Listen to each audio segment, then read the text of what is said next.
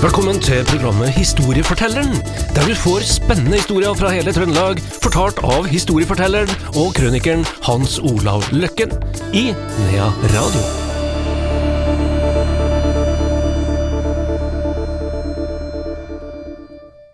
Velkommen tilbake til Historiefortelleren her i Nea Radio. Velkommen også til deg, Hans Olav Løkken. Jo, takk. Hans Olav er vår eh, faste historieforteller. I dag skal vi til ja, nord i Trøndelag. Vi skal til, starte i Beistan.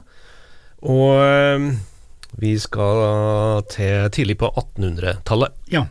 Det er en eh, historie jeg har fått hos en, eh, Jan Haraldsen. Han var en meget aktiv personlighet i Beistad historielag i mange, mange år, og jeg har jo fått da den gleden av å ha vært der oppe og holdt noen foredrag, og, og han mata meg med en del historier.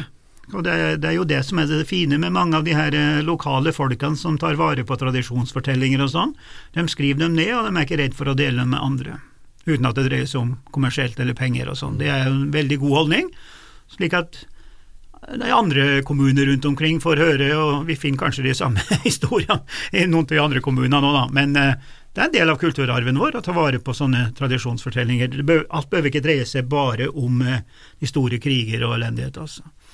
Men her er det en elendig historie, skjønner du. Vi skal til en som heter Benjamin eh, Benum, da, som eh, kommer fra gården Sprova, da, en kjent plass oppe i Beistad.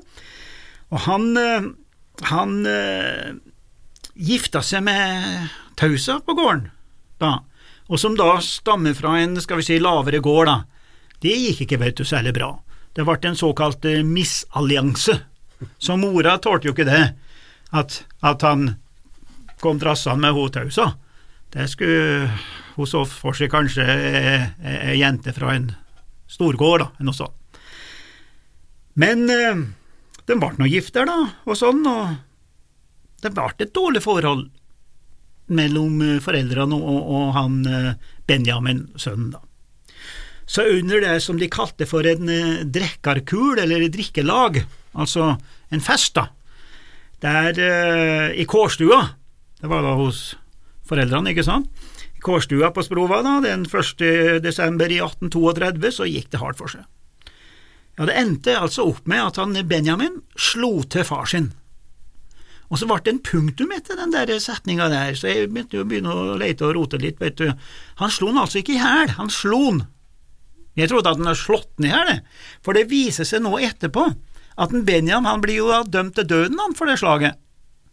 Og eh, han, eh, han satt jo da først i arresten da, hos, eh, hos lensmann eh, Okshold der ute på Utvik, og satt under tiltale. og Tiltalen var jo dette her at det var et forferdelig alvorlig bråsverk, som det står på nynorsk, da.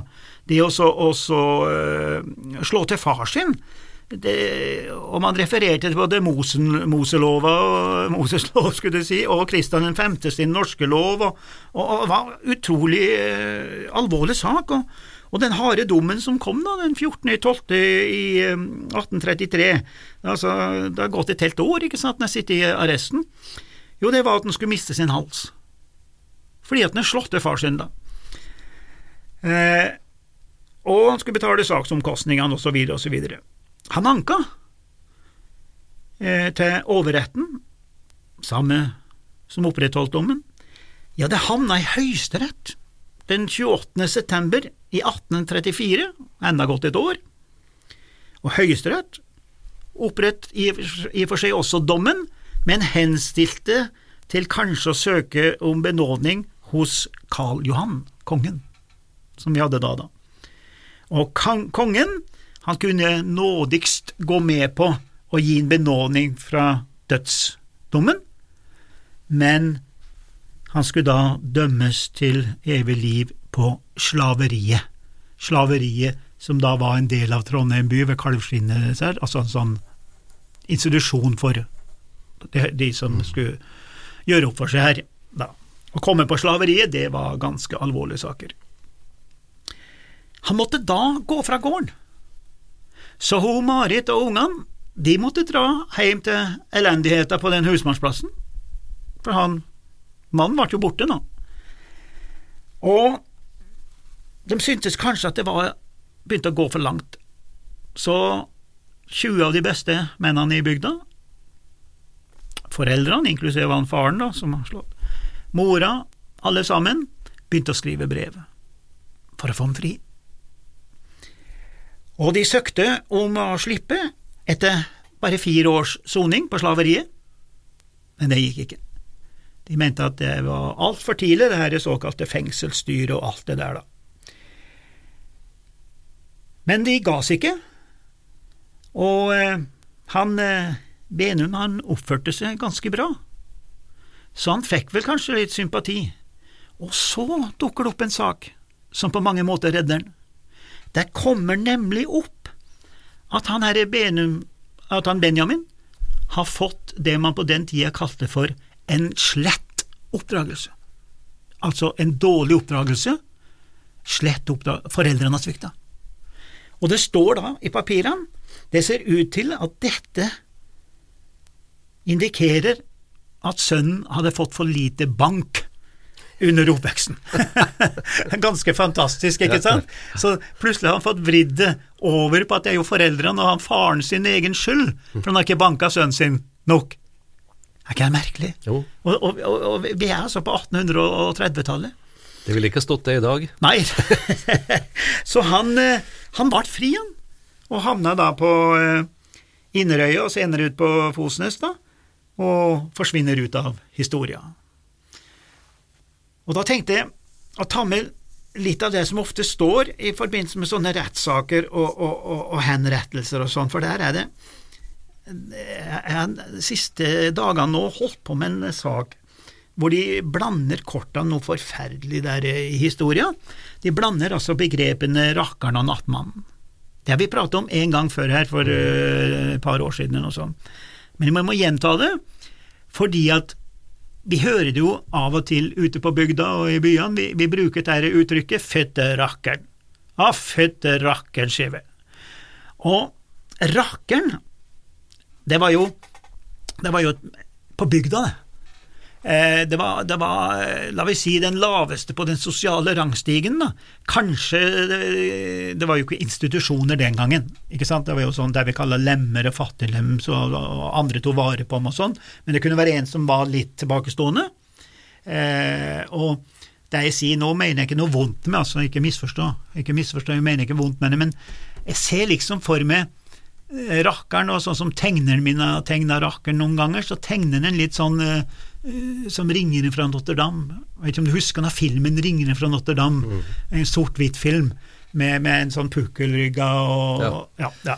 Og, og, og, og vi, vi, ser de her folkene som som gjorde en, en, nyttig jobb i samfunnet, men de fikk da bare skitjobbene, ikke sant, da, og skulle rydde opp etter øvrigheta.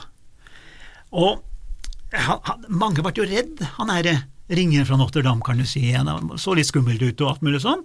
Så mødrene brukte jo rakkeren som et begrep for å skremme ungene med, osv., osv. Men det som er poenget, er at rakkeren tilhører landsbygda.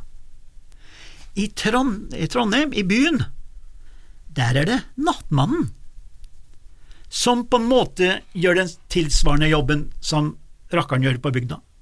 Og nattmannen han har fått navnet sitt ut ifra det at han jobba om natta, og han var da datidens renovasjon. Han skulle tømme utedoene om natta. Og han var altså skitten i dobbel forstand, på mange måter. Og var, han var ikke noe populær, enn han burde jo vært populær, for han gjorde jo en kjempejobb. Men de ville ikke ta en. Og han hadde familie, han hadde til og med lønn, det hadde ikke rakkeren. Han hadde ikke noe lønn og sånn, han fikk vel noen smuler kanskje fra de rike sporene og sånn, men, men, men, men uh, nattmannen var på en måte, skal vi si, kommunalt ansatt, da. Men det var ingen som ville ha noen ting med han å gjøre, så når han hadde familie og skulle gifte seg, så måtte de antakelig gifte seg til inn i en annen nattmanns eh, eh familie, for helt tatt få en familie. Her Så lavt nede i det status og sosiale rang var det, det, det høres jo helt meningsløst ut.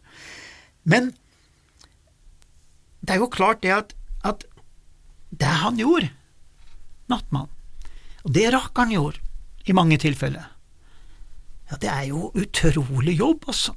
Og så, når jeg går turene mine, Andreas, så passerer jeg jo for eksempel Innherred renovasjon, som kjører med seg bilene sine rundt omkring der jeg bor, da. Og da jeg sier alltid hei til dem. Jeg klapper dem på skuldra i overført betydning, men altså gi dem et godord. Og skryte av dem, for de gjør jo en kjempejobb. Hæ? Hva skulle vi gjort uten de der folkene som plukker opp etter oss andre? Viktig. Husk det.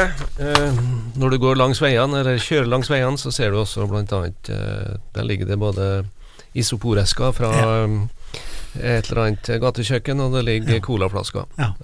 Sånn er det. Sånn er det dessverre blitt. Det var historiefortelleren i dag, og så ble det et lite sånn, eh, en liten pekefinger på slutten.